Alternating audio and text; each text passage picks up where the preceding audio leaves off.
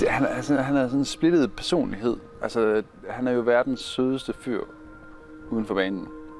Og når han kommer på banen, så bliver han et, øh, en kriger, et monster, og øh, vi gør alt for at vinde.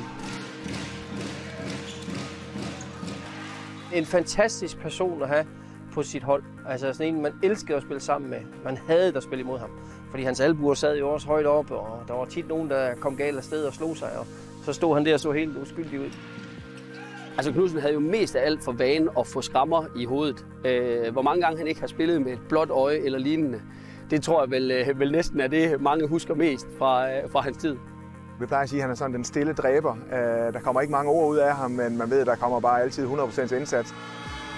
Han er jo en terrier, en fejler, øh, Guds nåde, og ja, han er en af de eneste stregspillere, jeg kender, der også får to minutter i angreb. Det har han gjort mange gange. I årene øh, omkring mellem 6 og 10, der var han vel verdens bedste stregspiller, øh, for, for nu at sige det som det er. Michael startede jo øh, i 90, tror jeg, i HH 85, som var en, en klub af tre små byer, der var sammenlagt. En ting husker jeg særligt Michael for, det var, øh, det var i forbindelse med, når vi havde været til træning og kampe for den sags skyld. Så var det yderst sjældent, han havde skiftet underbukser med.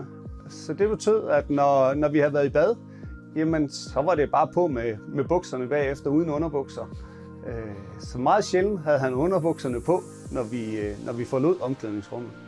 Han var jo bagspiller øh, dengang, og det var ikke altid, at han havde overblikket, og, og vi drillede ham dit, men han var lidt langsom, så det kun var fordi, ja, han fik et skub eller et eller andet, ellers kom han aldrig fri.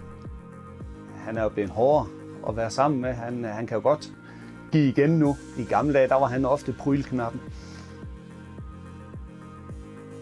Jamen, jeg synes jo, det er jo sådan ligesom øh, Pelle Rober-filmen, hvor faren kom med den øh, unge Michael i hånden til Viborg håndboldklub, og så øh, sagde, at han ville gerne træne og spille hos os. Og så fik jeg sådan lidt af bagveje at vide, at han skulle helst være stregspiller, for at kunne fastholde sin position på yndlingelandsholdet. Han er jo ikke den største type øh, muskelmæssigt og højdemæssigt, men han er øh, den ryggende stregspiller, og, og det gik fantastisk hurtigt med hans udvikling. Ja, nu tror Michael jo nok stadigvæk, at han er verdens bedste venstre bak. Øh, det er jeg sikker på, men det skud, han har, det, det berettiger ikke til den position overhovedet. Jamen, øh, Michael Knudsen, det er, det er en af de spillere, jeg har brugt længst tid på at overtale om, at han skulle i en grøn trøje. Han kom jo her og tilførte holdet en hel masse som, som spiller, Øh, og løftede holdet. I de to år, han var herhjemme, der blev han årets spiller, og han blev pokalfight, og han, øh, vi var med i tre finaler. Øh, det havde han sin helt store sportslige andel i. Jeg er faktisk med ham på sygehusen en gang, hvor han sådan, nu havde han faktisk rigtig ondt i sin store tog. Nu, nu må vi tage over og kigge. Øh, og det viser sig så, at den var brækket, så han spillet fire kampe med en brækket store tog. Øh, det, det tror jeg ikke har været særlig behageligt. Men det var ikke afgørende for, at han ikke ville spille videre, så der måtte øh, vores fysioterapeut John Brun bare lave en, en skin i skoen, øh, sådan at øh, han kunne spille videre med en brækket store tog. Det synes jeg også sagde noget om ham, den der med, øh, uanset hvad, vil bare spille, vil bare vinde. Altså en vilje, øh, en, en kæmpe vilje. Ja, det er klart, jeg kan selvfølgelig huske øh, Knudsen øh, først og fremmest for den der fighter, han var. Altså en fantastisk håndboldspiller, men også en, der, der lignede sådan en hængt kat indimellem. Ikke? Altså, han lignede jo en, der havde fået test konstant. Øh, og så alligevel blandingen af det der med også at være svigermors drøm. Øh, jeg tror, alle de, der sad og så fjernsyn, de synes, han var en fantastisk fyr. Nu sidder vi også i den her hal øh, i Flensborg, hvor både jeg, men også Knudsen har trænet rigtig mange gange, og faktisk næsten altid trænet øh, i Dubar Halle i Flensborg.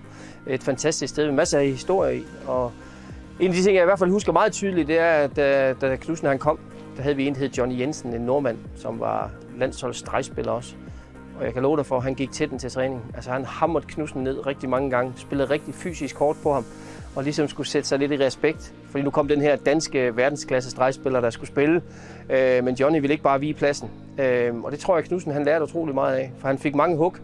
Men, men jeg ved også, en af de ting, som man værdsatte hos ham, det var, at han rejste sig op, brokkede sig overhovedet ikke, og så gav han bare tilbage af samme skuffe. Jo, han er jo et, øh, et svin på vennen, ja. Øh, men øh, jeg er jo ikke helt sikker på om han ved det, men jeg hadde jo ham som, som forbilde i, i et langt stykke tid, og synes, synes han virkelig har vært en, en fremragende spiller og har en enorm karriere bak sig. Jeg synes, det kendetegner ham, at han er til stede i det, han laver, og at han kommer med alt, hvad han har. Og det galt på banen, det galt uden for banen. Jamen, jeg tror lige så længe, som jeg kan huske Michael Knudsen, det er måske helt tilbage fra slutningen af 90'erne. Der har han jo vel haft samme frisyr, som han har i dag. Så, så håret har jo altid siddet der. Jeg tror, det er meget godt for ham nu, fordi han har været sindssygt dyr, både øh, i BSV eller BSH nu, og også i, i Flensborg igennem mange år i tape. Fordi han har jo ikke en finger, der er lige, og alle er jo bøjet og skæve, og har, de har været brækket flere gange. Man har jo brugt tape altid, og det er jo sindssygt dyrt. Jeg kan sige, at vi sparer jo 3-4.000 euro om året i tape i Flensborg i den her tid. Så vores fysioterapeut er glade. Så tak for det, Knudsen. Vel top 2, top 3 i verden over de bedste drejspillere nogensinde. Fuldstændig øh, suveræn fyr. Øh, fremragende holdkammerat. Knudsen har været en ekstremt dominerende figur på, på landsholdet, dengang jeg også, øh, også var med jeg har gentagende gange forsøgt at sige til Michael, øh, jeg giver dig gerne et lille hvil. Det er ikke for, at jeg skal tage din spilletid, men tage fem minutter. Vi skal nå en hel turnering. Men, men det er meget kendetegnende for Michael, for den, den, den tanke, den strejfer ham slet ikke. Altså, det er all in, og det er all in hele vejen. Vi var til OL i Kina i tilbage i 2008, og, og Michael havde øh, lidt bøvl med maven sådan i, i faktisk godt og vel en uges tid så var det rent faktisk en spræng øh, blindtarm, øh, Michael havde rendt rundt med i måske en uges tid, og blev faktisk øh, meget akut indlagt og opereret. Øh, historien fortæller lidt om, at øh, smertetærster, det er, øh, det, er, det er noget meget individuelt, og øh, Michael, han spiller, ikke, øh, han spiller ikke med at have ondt. Det har man ikke. Altså, han nægtede jo, at han, han ikke skulle ind og spille. Altså, selvom lægen havde diagnostiseret, at det nok var blindtarmsbetændelse så, så, og han havde, jeg ved ikke hvor meget i feber, så skulle han bare ind og spille kampen alligevel. Altså, øh, og det gik jo selvfølgelig ikke. Øh, men men det, det er jo også bare historien om ham. Det er nok det stadigvæk noget af det, jeg husker som det værste, min værste oplevelse, og tænke så på, hvordan han har været for Michael.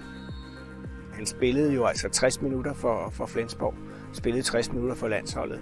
Han spillede 60 minutter i træningskampene, øh, og, og hvis man tillod sig at prøve at tage ham ud det havde han sgu ikke en stor forståelse for. Øh, altså, øh, det, det, det var...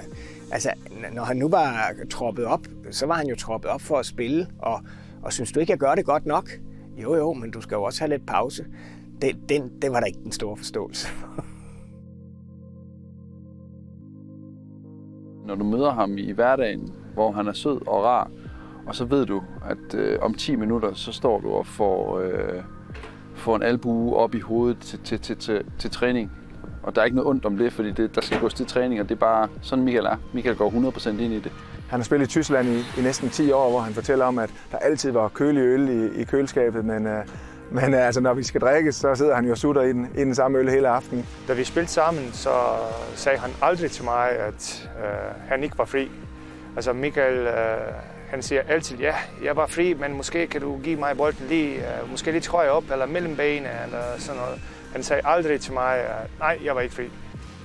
Uanset om vi træner eller spiller kamp, så er han altid garant for, øh, for en maksimal indsats. Vil vinde i alt, uanset om det er en fodboldkamp en gang mellem inden træning eller noget andet, jamen så, så er han altid en fighter. Og øh, på den måde, så, så er han med til sådan også at, på sin egen måde at, at være en lederskikkelse i, i form af at, at øh, vise øh, via sin egen indsats og sin egen adfærd, øh, hvordan tingene skal gøres.